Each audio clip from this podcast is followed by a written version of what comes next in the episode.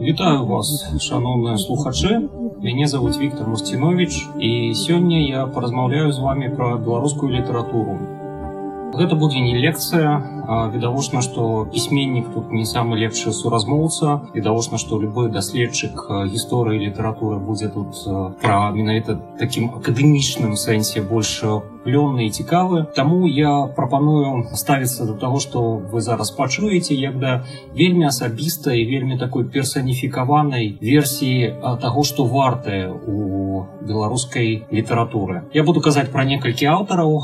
Усе гэтыя аўтары на мой погляд з'яўляюцца найбольш цікавымі для пачаткоўцаў для тых людзей якія думаюць а вось чаго пачаць. Пра некаторых з гэтых аўтараў вы напэўна чулі але я паспрабую зрабіць гэтае казанне такім чынам каб нават калі вы пра некага чулі вы не чулі пра тыя творы пра якія буду згадваць то бок гэта будзе такі такая размова ад маргінам па па ўскрайках. Пачну я з асобы number one з чалавека з волата просто з чалавека які на, на мой погляд запачаткаваў буйную беларускую літаратуру стаўся самым тыражаваным самым вядомым беларускім аўтарам якога чыталі ўсе. Пакаленне наших бацькоў генерацыя якой зараз 60-70 гадоў. Няма сярод яго таких людзей якія б не чыталі гэтага чалавека. Імя гэтага чалавека як вы ўжо напэўна здагадаліся владимир караткевич калі мы кажам про караткевича нам у галаву найперш прыходзіць такі твор які называется каласы под сярпом твоим каласы узначальваюць спіс твораў караткевича якія звычайна называюць эксперты.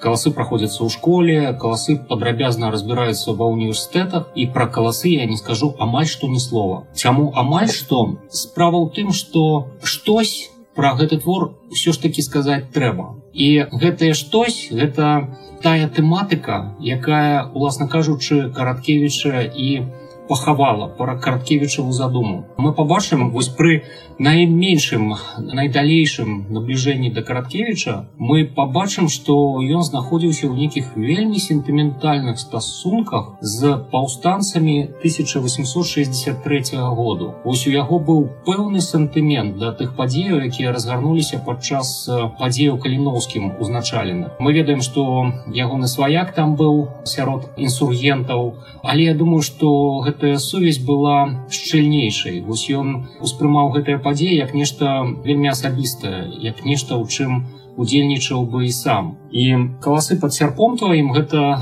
такая спроба стварыць эпапею у якой назваць все чорнае чорным і ўсё белое белым. І яна як мы ведаем по задуме мусіла складацца з трох частак з падрыхтоўкі з уласна кажучы паўстанні і потым з галгофы з расплаты пакаранне каліноўскага і ўсіх ягоных паплечнікаў. Задумваючы каласы караткевич недаацэніў тое што гэтая тэма з'яўляецца цалкам і абсалютна непраходнай немагчыма было ў савецкай савецкім саюзе у савецкай беларусі распавядаць гісторыю таго як імперскія рускія войскі як імперскі генерал-губернатар караў смерцю кастуся каліноўскага і так ён пачынаў працаваць гэтай тэмай тады калі каліноўскі быў легалізаваны калі гістарыяграфія савецкай беларуская успрымала яго як ягонае змаганне як змаганне не з рускімі не з імперскасцю не з імперыяй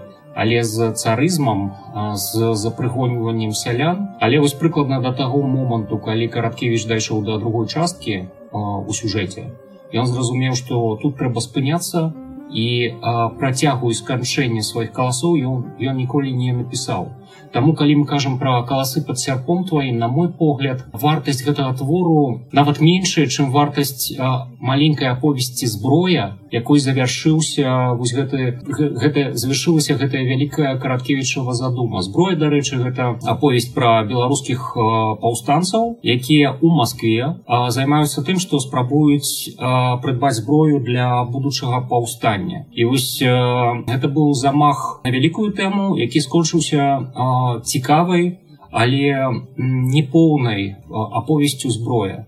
Таму каласы под сярпом твоім адсунем зараз у бачок паговорым про іншы твор які на мой погляд з'яўляецца самым галоўным у караткевіча гэты твор называется ладдзя роспачы у кожнага з нас ёсць свой шлях да беларушчыны у кожнага з нас адносіны з беларускай літаратурай пасля школы і пасля універсітэту выбудоўваліся неяк по-свойму у кагосьці гэты этап цікаўнасці да свайго дагэтуль не наступіў. У маім выпадку знаёмства з сапраўднай беларускай літаратурай не школьнай пачалося менавіта з рэкамендацыі адной сяброўкі беларускамоўнай сталай ужо жанчыны прачытаць менавіта ладдзю роспачы. І прачытаўшы яе я просто пераасэнсаваў усё што я ведаў і пра караткевіча і пра беларускую літаратуру таму што па-першае герой. Гэты герой гэта нехта хто зусім нероўны звычайным героем беларускай літаратурнай класікі. Гервасі валіваха. Гэта здаецца такое дакладнае ўвасабленне самого караткевіча у свеце 16 стагоддзя. Караткевич піша што гервасі валіваха быў хобаль залётнік піяка задзіра біток бабздыр несамавіты ось гэтая характарыстыка у маёй галаве цалкам прыдатная прыстасоўваецца да вобраза таго караткевіча пра якога я шмат чытаў і якім я шмат цікавіўся. Ён таксама хобаль залётнік піяка задзіра біток і бабздыр несамавіты гісторыя апавядае пра чалавека які вельмі любіў жыццё які вельмі любіў жанок як мы прачытаем у іншым творы караткевича я люблю бабачак дык ты любіш матылёў не не я люблю бабачак я кажу по-беларускі бабачак я маю на увазе жанок ось ён таксама быў э, знаным лавіласам гэты твор ладдзя роспачы пачынаецца з таго што гэты лавілас гервасі валіваха сустракаецца з вельмі цікавай можа быть самай цікавай асобай у нашай гісторыі з каралевай бонай сфорца падманутыя мужы тых дзявок якіх звёў з дому звёў з глузду. Гервасі валіваха апелююць да каралевы і каралева бона вырашае прыкруціць гервасію валіваху хвост. І гэта цудоўна напісана гэта просто цуд што у савецкай беларускай літаратуры узнікае гэтая жанчына бонасфорца жанчына якая прыехала з мілану якая некалі была датычная да самага магутнага клану самай магутнай фаміліі у італіі фаміліі сфорцаў жанчына якую не якой некалі малюнак выкладаў леонардо да вінчы жанчына якая прыехала з самага цэнтру сусвету з рыму з мілану з італіі і мусіла праз шлюб з жгемонтам старым кіраваць нашымі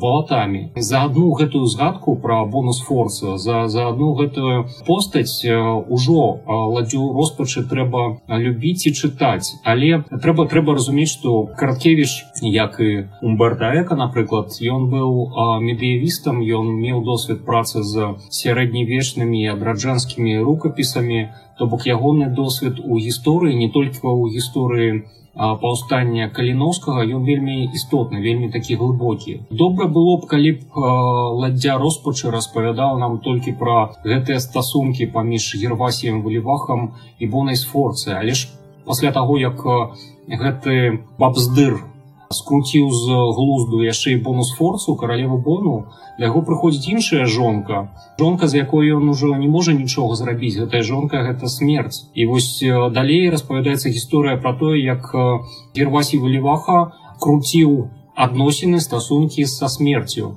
І это выдатны твор. Гэта гэта просто гэта смешна гэта смешна. І я вельмі люблю гэтую гэты гумар гэты рэдкі гэтую рэдкую з'яву беларускай літаратуры якая называется гумаром пачуем сёння што шмат якія створы якія я вывушу будуць адметныя менавіта сваёй гумарыстычнасцю тому что беларуская класічная школьная літаратура яна чыгунная просто яна монументальная на суворая на суровая яна такая патэтычная. У ангельскай мове есть такое слово якое гучыць як пафетик якое адначасова азначае патаснасць і смешнасць. Вось шмат у чым беларуская савецкая літаратура асабліва асабліва калі яна кранае дзве асноўныя тэмы савецкай літаратуры вайну партызаншчыну і адраджэнне сяла вось яна хворая на гэтую патэтычнасць смешную. Ладдзі роспачы гэта не уласціва другі твор караткевича про які вы можа чулі а можа не але які абавязкова трэба прачытаць мае назву леоніды не вернуцца до зямлі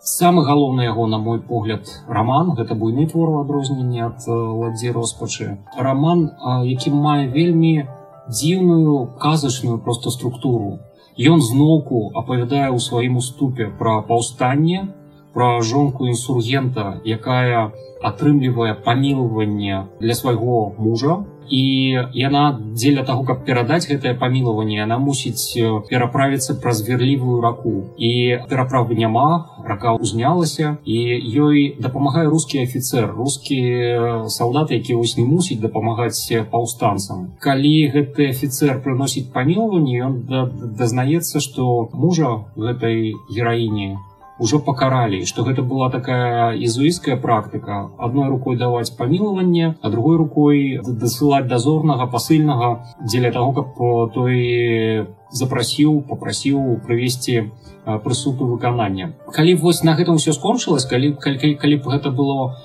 просто чарговае караткевічава апавяданне пра паўстанне гэта было б не цікава але далей пачынаецца самае цікавае. У той момант калі у гэты дядька дазнаецца што ён не здолеў дапамагчы жанчыне над яго галавой у небе ў цёмным расквітае зорны дождж які мае назву леаніды. І вось гэтымі леанідамі вельмі цікава тому что для структуры апавядання была вельмі прыгожая штука астранамічная выкарыстана для структуры романа прабачце не апавяданне ёсць такі метэорны поток леаніды. Ён адзначаны як гэта прычытаем у караткевіча таким асмарагдавым зеленаватым колерам. Ягонай адметнасцю тым, што ён прыходзіць да зямлі толькі раз на 33 гады. І ўсё, што мы чытаем далей гісторыю кахання нашчадкаў ты героя, якіх мы сустракаем у пралогу. Яно вельмі пільна завязана менавіта на вяртанні леанідаў. І гэта трэба сказаць вельмі прыгожа. Вось ёсць нейкая небесная з'ява, ёсць нейкі зорны дождж, ёсць вельмі сумная гісторыя спачатку каханне якое было разарванае праз пакаранне смерцю мужа жонкі. І потым а, вось у сучаснай частцы гэта робіцца нейкім таким рэфрэнам дзеля того каб паказаць што чалавечае каханне яно вось гэтаксама трагічная гэтая незваротнасць леанідаў. Чаму гэты твор караткевіча гэтага бітка і бабздыра адметны гэты твор пра каханне відавочна пра чалавечую любоў тому что ён вельмі асабісты і на маю думку на мой погляд пісьменнік тады набывае поўную моц напісаная любым празаікам робіцца тады моцным. Калі ён піша ў першую чаргу пра сябе ён можа пісаць што заўгодна пра другую сусветную вайну але толькі калі ён Васіль быкаў і толькі калі ён сам быў на той вайне гэтае варта чытання. Ён можа што заўгодна пісаць пра адраджэнне сяла але калі ён як все тыя з беларускіх пісьменнікаў неяк удзельнічалі ў гэтым у гэтай завядзёнцы беларускай сельска-гаспадарчай ягоныя словы могуць мець хаця б якую вартасць. Вось так і з леанідамі. Караткевіч па сутнасці у сучаснай частцы леанідаў вельмі шчыра апавядае пра сваё асабістае каханне да выкладчыцы літінстытута, якая выкладала гісторыю мастацтваў. У Леанідах мы бачым жаночую постаць, жанчыну, якая выкладае тэорыю мастацтваў, жанчына, якая як ягоная каханка, каханка караткевіча молева з'яўляецца яна замужняя, яна не свабодная. І жанчына, якая як тая молева, пра якую ўжо кнігі пра адносіны караткевіча з молевай складзеныя, яна ўвесь час то дае яму шанец то абяцае яму любоў то адрынаю яго і кажа што яна застанецца з мужам. Самыя прыгожыя гісторыі кахання ў сусветнай літаратуры у культуры як такой заўсёды распавядаюць пра каханне нешчаслівае. Шчаслівае каханне ніколі не утварае сюжэту. Вельмі шчырая размова пра каханне героя маладога паэта як і караткевіш некалі які як караткевіш некалі вучыцца ў Маскве які сустракае гэтую настаўніцу які пакутуе ад яе незваротнасці ад яе ад таго што любоў незваротная яна не падзяляе ягоных пачуццяў яна вельмі шчырая. І трэба сказаць што тут караткевіч пайшоў далей чым чым ён як бы дазволіў сабе літаратуры ён дазволіў скарыстаць літаратуру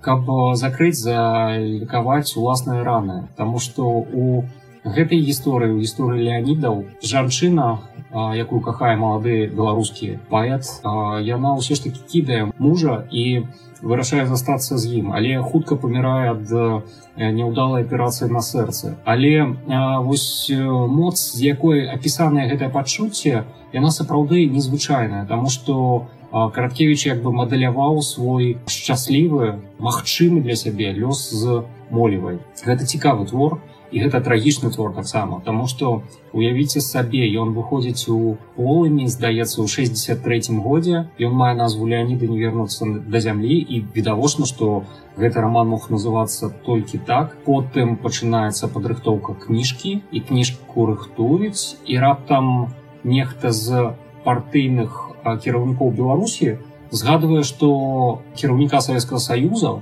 завут леонид брэжнеў і вырашае што як бы гэта вельмі небяспечна выдаваць такі твор. Пры жывым брэжневе з назвай леоніды не вернуцца да зямлі і тады адбываецца такая першая трагедыя з гэтым творам. Яго савецкая крытыка заказная відавочна ж раптам пасля ўжо публікацыі ў часопісе папракае у абстрактным гуманізме што б гэта не значыла. І рассыпае друг кнігі і кніга кладзецца на палічку. І караткевич 20 гадоў напісаўшы свой самы цудоўны самы пранізлівы самы круты твор про сваё каханне про сябе 20 гадоў чакае пакуль гэтая кніга не вернецца ў наклад. Брэжнеў памірае брэжнеў дурнее брэжнеў старые гэты твор выдаюць але выдаюць под вельмі крывой назвай у яшчэ пры жыцці ў 82 здаецца годзе леаніды чароўныя леаніды не вернуцца да зямлі выйшлі асобнай кніжкай под назвай нельга забыць вось дзе сапраўдны абстрактны гуманізм. Сярод іншых твораў гэтага галоўнага на мой погляд беларускага літаратара я згадаю чазенію яшчэ одна вельмі асабістая гісторыя караткевіча які у у 60-х быў выпраўлены на далёкі ўсход у владивосток. Нешта там з ім адбылося можа быть ён побачыў нешта можа быть ён сустрэў некага нейкую дзяўчыну але гэта вельмі зноўку шчыры і прыгожы расповед пра каханне. Расповед э, дэкарацыямі для якога з'яўляецца далёкі ўсход. Расповед у якім мы першы раз сустракаем гэтае цудоўнае беларускае слоўца і зюбр і зюбраў з тае пары у караткевіча будзе вельмі шмат. Больш затое у даследчыкі караткевіча будуць ламаць галаву що ж такое гэта ізюбар. А пазначыў ён гэтым словам істоту якая сапраўды жыве на далёкім усходзе. Гэтаксама як і чазенне гэтая дрэўца якая сімвалізуе сімвалізуе як бы нескоранасць як жыцця як сімвалізуе нешта што дольнае прарасці на камянях гэта гісторыя пра каханне беларуса які вельмі далёка ад радзімы з запаведным крае у нейкім бар, бар, бары на нейкай выспе якая мае назву тыгровая паць сустракае беларуску ж праз тое што яны беларусы але яны як бы аддзелены ад сваёй радзімы яны пачынаюць пазнаваць адно аднаго і таксама сваю радзіму. Гэта вельмі прыгожы твор зноўку па каханні Мабыць вось самая цікавая тэма для мяне ў караткевіча гэта не псеўда медыявістыка такая як вось чорны замак альшанскі прычым моя праблема з чорным замкам альшанскім дзікім паляваннем караля стаха у тым что ты пачынаеш уваходзіць у гэтыя творы як у прыгодніцкае гістарычнае апавяданне потым все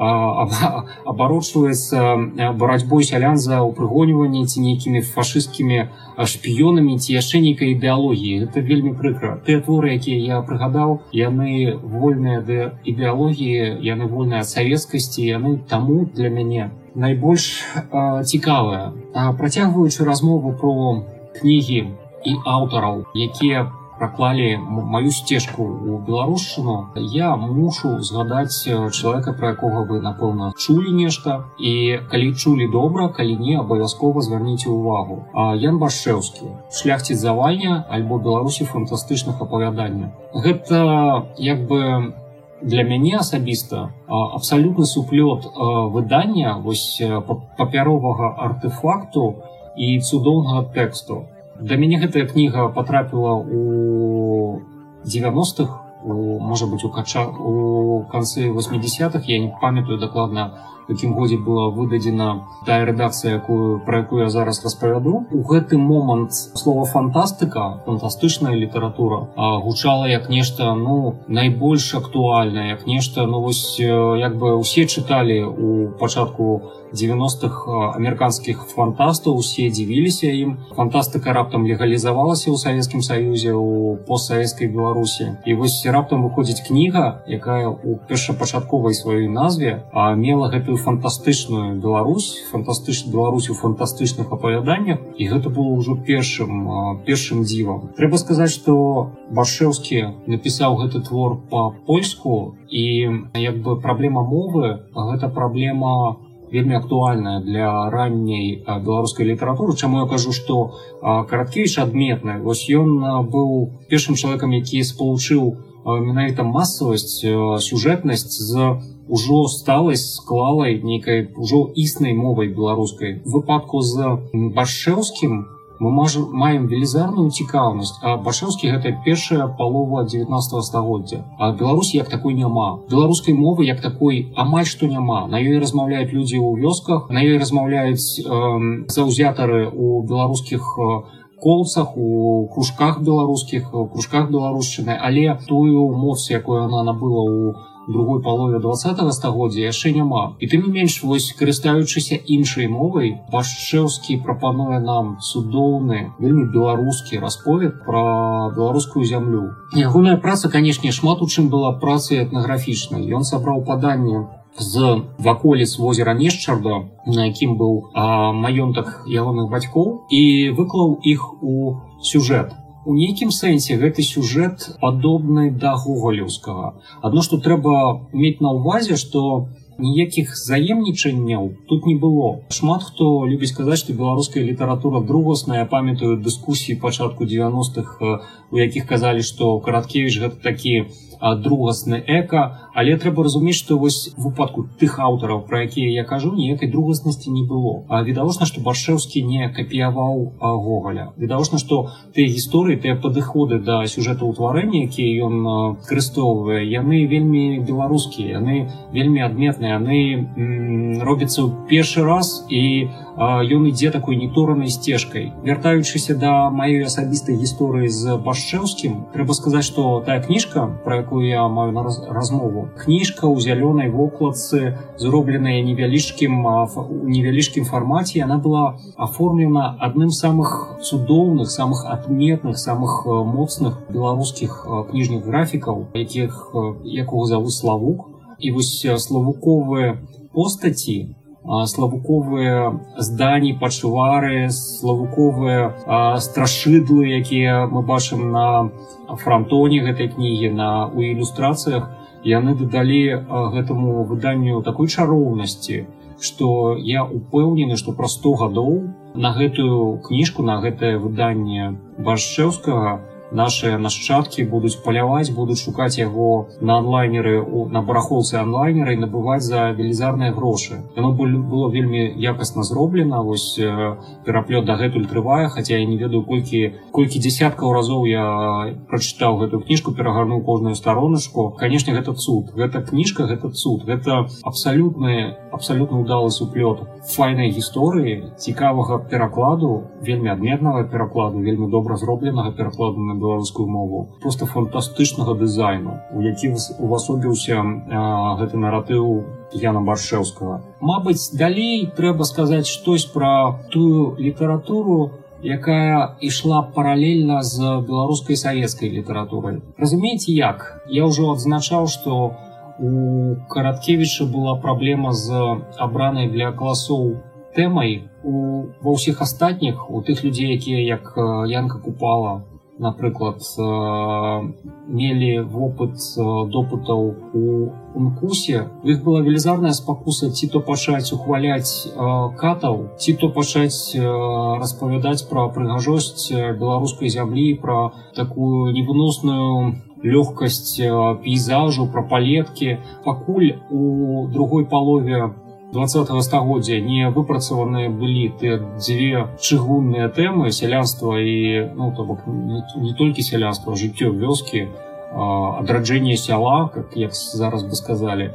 другая сусветная вайна. Ось э, усе людзі якія пакуль гэтых двух тэмаў не ўзнікла усе людзі якія ўдзельнічалі ў беларускім літаратурным працэсе мітусіліся і спрабавалі зразумець пра што ж пісаць. Як я ўжо казаў а, ну вы мабыць ужо усе чулі у шаноўныя слухачы пра ноч расстраляных паэтаў про тое што тут адбывалася ў трацатых вы відавочна чулі пра тыя нататкі якія панамарэнка іншыя савецкія кіраўнікі выслалі ў Маскву пра шкоднасць беларускай мовы. Гэтаксама як ёсць руская несавецкая літаратура. Яна якраз самая цікавая. Я, я лічу напрыклад што гато гайто газданов што у Владимир Набоков, что Иосиф Бродский, менавіта русские несоветские письменники были наибольш цікавыми. Як толькі человека кранала гэтая советскость, могу сгадать, напрыклад, аповесць цынікі Анатолия Марыенгофа. Мы Марыенгофа ведаем як паэта, але у яго ёсць выбітны твор, вельмі антысавецкі твор, які мае назву цынікі, які ствараецца у значнай частцы з дакладных цытатаў з газет першых бальшавіцкіх газетаў якія пісалі пра што загодна таким такой мовай што вушы у трубашкі ўварачваліся. Гэтаксама як была несавецкая руская літаратура она была найбольш цікавай таксама несавецкая беларуская літаратура на мой погляд з'яўляецца найбольш вартай нашай увагі. І любы хто мае доступ до інтэрнету можа пачытаць пра спіс прозвішчаў я назову аднаго майго любимага пісьменніка першай паловы 20 стагоддзя і гэта канешне не ямка купала гэта чалавек якога завуць Андрей мрый. Чалавек які як купала быў як бы адным з прарокаў беларускасці і які ў адрозненне ад купалы аднойчы патрапіўшы на у вір кіпучай чекійскай работы ўжо ніколі з гэтых колаў не выкараскаўся он скончыў сваё жыццё у лагеры і менавіта таму ягоная проза яна ну вельмі шчырая вось калі ты хочаш паглядзець чым жыла савецкая Беларусь да другой сусветнай войны чытай Андрея мрыя. І чаму я кажу пра запіскі самсона самасуя гэта просто вельмі гэта просто трындец як смешна. Гэта просто трындец як актуальна. Гэта просто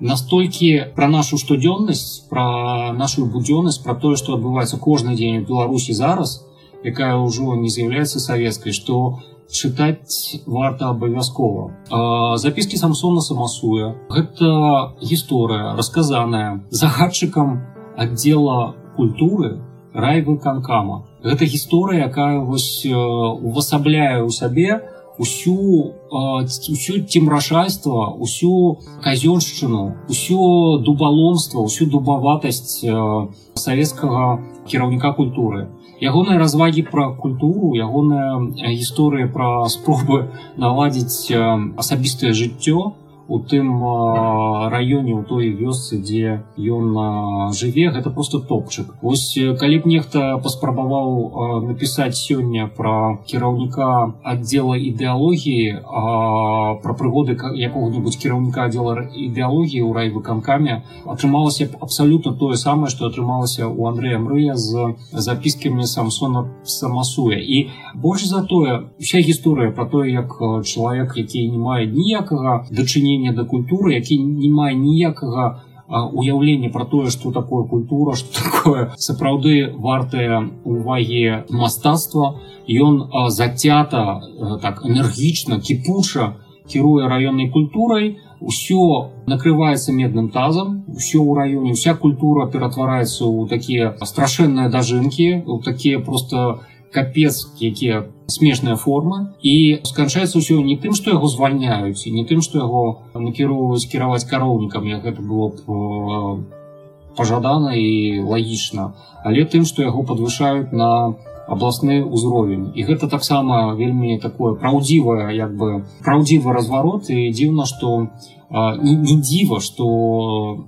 Андрэя мрыя за ягоныя допісы за ягоную літаратуру пакаралі яшчэ адзін чалавек гэтага перыяду першай паловы два стагоддзя які вельмі варты нашай увагі пра якога вельмі варта асобна паразмаўляць гэта зноўку як і ян башэўскі польскамоўны рускамоўны беларус Сергей песецкі гісторыя Сергея песецкага ягоная біяграфія таксама ж цікавыя як і тое што ён пісаў. Мяне наогул есть такое адчуванне што дзеля таго каб быць цікавым літаратарам дзеля таго каб быць цікавым паэтам трэба пражыць цікавае жыццё. Вельмі зрэдку мы бачым таких людзей як хорхе луіс борхес якія усе ўсё сваё натхненне усе свае уяўленні пра свет бралі не з уласнай пакрушастай біяграфіі а з прачытання неймавернай процьмы кнігаў. Дык вось Сергей пясецкі ў адрозненне ад хорхе луіса борхеса ён быў менавіта чалавекам вельмі пакручастай біяграфіі настолькі пакрушастай што ведаеце мне нават амаль што сорамна раіць вам яго таму што ён быў цудоўным літаратарам але ён быў не дужа добрым чалавекам ён жыў у ракаве на гэта можна было б скончыць. Ён жыў у ракаве до 39 -го года. Да тае пары пакуль пасля рыжскай дамовы ракаў адышоў да Польшы і он заставаўся часткай вольнага свету і мяжа праходзіла просто ля ракава. І адразу за ракавым пачыналася савецкая Беларусія. І вось у гэтай савецкай Беларусі не было анічога. Першая ягоная вялікая аповесць першая а трэба сказаць что гэты герой пачаў пісаць у турме у вязніцы прычым у турме не савецкай вось у адрозненне ад мрыя і шмат якіх рэпрэсаваных. Ён пакараны быў не савецкім правасуддзям якое вялікія пытанні мела да сваёй аб'ектыўнасці а польскім правасуддзям і пакараны ён быў на 15 гадоў за бандытызм і ён сапраўды быў бандытам ён быў не просто бандытам ён быў кантрабандыстам ён ягонай справай першай вялікай кнігай якая выйшла за межы турмы тому что першую кнігу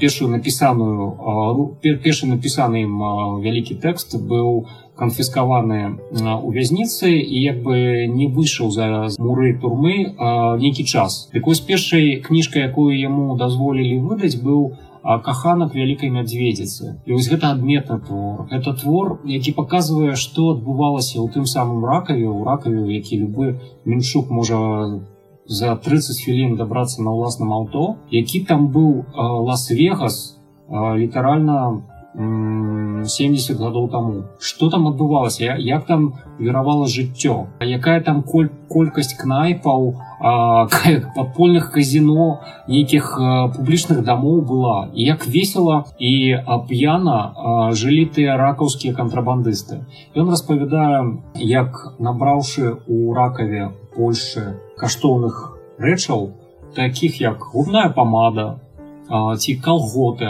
звычайныя чулкі там для жаночыя. Ён праходзіў праз граніцу праз мяжу з саветамі і прадаваў гэта за золата. Таму што на гэты момант на да, да сярэдзіны двадцатых гадоў у савецкім саюзе у савецкай беларусі у ўжо быў такі заняпад такая разруха что адзікалон парфюму дзяўчыны мянялі на ці ці там такая базовая рэч як як шкарпэткі ці там бялізна жаночая. Яны гатовыя былі мяняць гэта на золоты на на золото на срэбра на даляры на што заўгодна. Все што ў іх заставалася яшчэ у іхных куфарах ты бачыш знаёмыя табе мясціны знаёмы табе пейзаж знаёмыя табе вуліцы вуліцы па якіх паўтаруся любы менчук можа прагуляцца вельмі проста.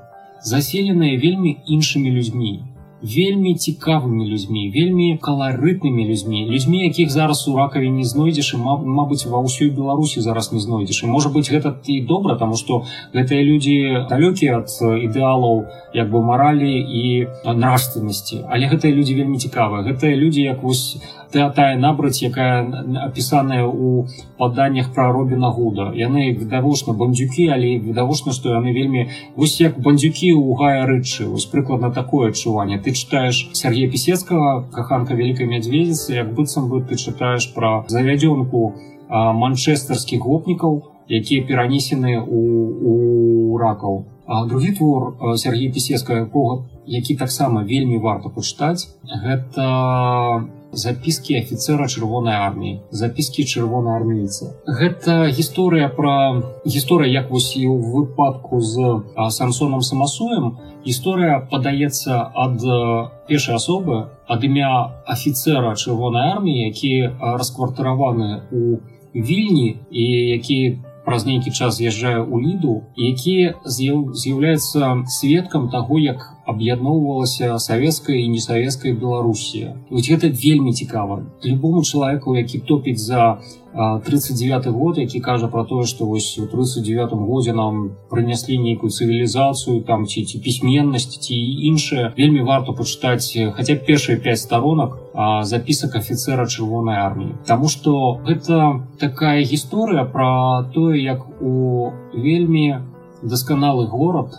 вельмі ну вось як сучасная вільня як такі еўрапейскі горад прыскоквае такая набраць у з сялянскім мінулым ведаю з трыма класамі школы. Непісьменная тупая. І пачынае гэты горад просто рабаваць. Вось там вельмі памятаю той момант калі гэты чырвонаармеец прыходзіць у пякарню набыць булак і прызвычаючыся да чорнага хлебу з апілак набывае віленскі белы хлеб. Як ён фіге з таго што вось хлеб оказывается можа быть вось таким. Гісторыя і смешная. Канешне она перш за ўсё гэта гісторыя смешная. Але і сумная тому что ты разумееш что вось гэта некая альтэрнатыўная плыня. Что вось у беларусі ўсё магло пайсці вось так як яно ішло у вільні ці у ракаве до 39 -го году скончылася б яно зараз не той а,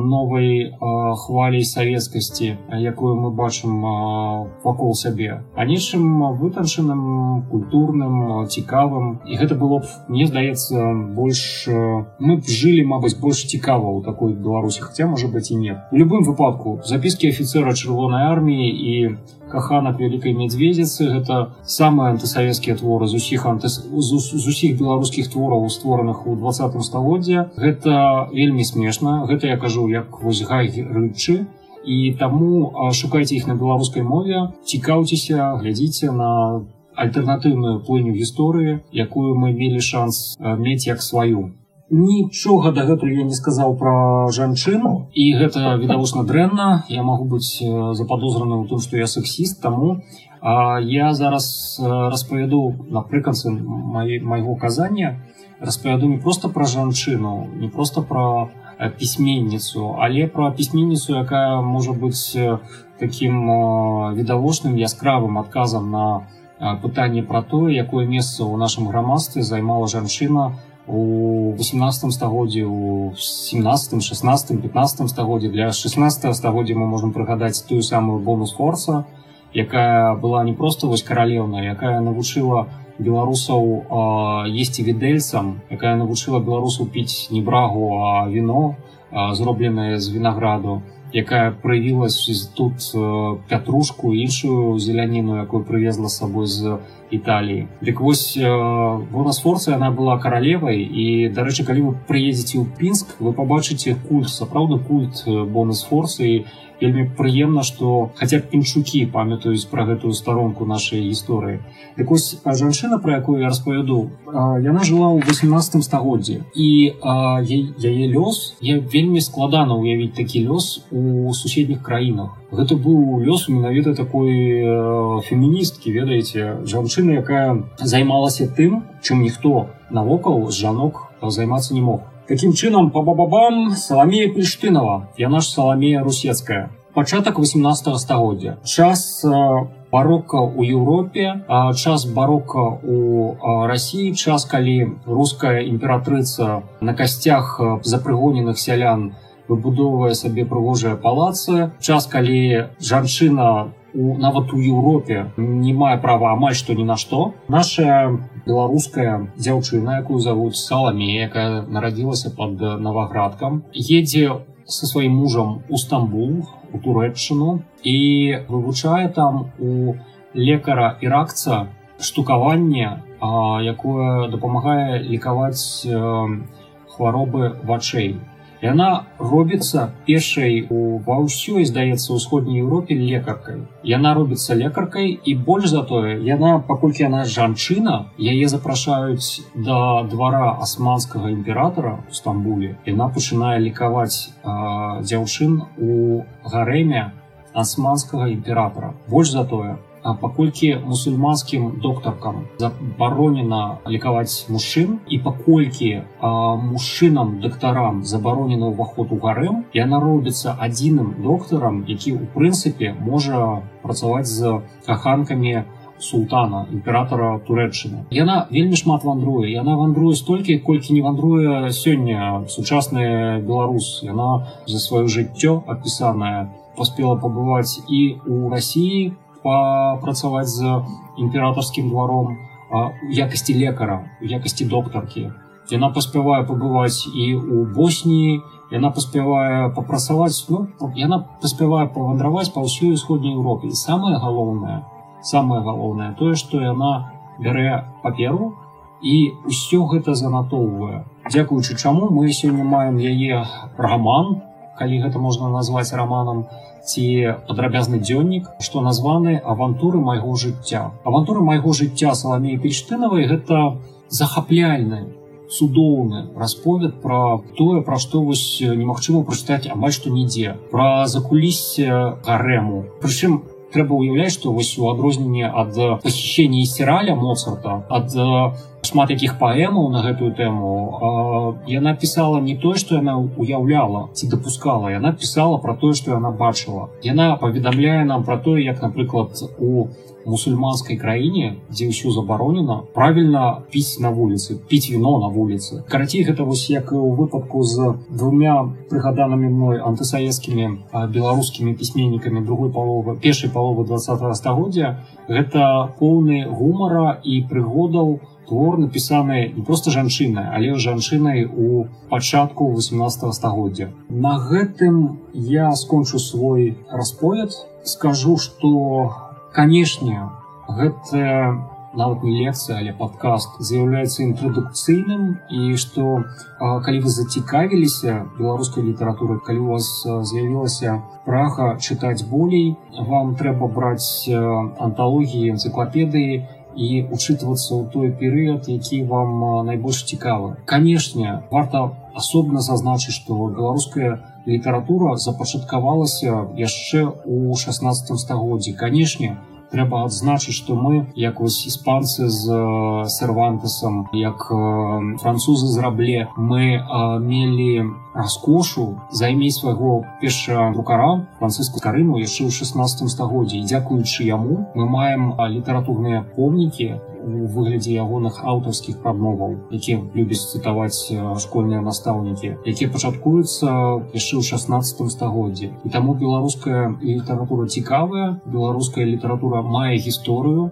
Менавіта з-за таго гэтай літаратурай асабліва беларусам трэба цікавіцца. І вывучаць яе таму што тут уже я скажу як пісьменнік не як чалавек які просто абстрактна распавядае пра чужыя творы разумееце толькі беларускія творы распавядаюць нам нешта вельмі істотнае пра Беларусь. Яшчэ 20 гадоў таму я чытаў сарокіна пелевіна і іншых новых рускіх пісьменнікаў так як быццам бы я чытаў пра сябе. Зараз наша краіна прайшла настолькі адметны шлях яна сталася настолькі незвычайнай што трэба быць беларусам, каб разумець, што тут адбываецца. І больш за тое, чытанне беларускай літаратурнай класікі дае нам глыбіннае разуменне таго, да чаго мы прыйшлі. І вось ніякія дастаеўскія з гогалем, ніякія лермонтавы з чутчавым не дадуць нам тое адчуванне краіны, тое адчуванне сёння, якое нам даюць, якое нам дасць любы з панаймененых мной у гэтым казанні пісьменнікаў. Чытайце сваё. Дзякуй за ўвагу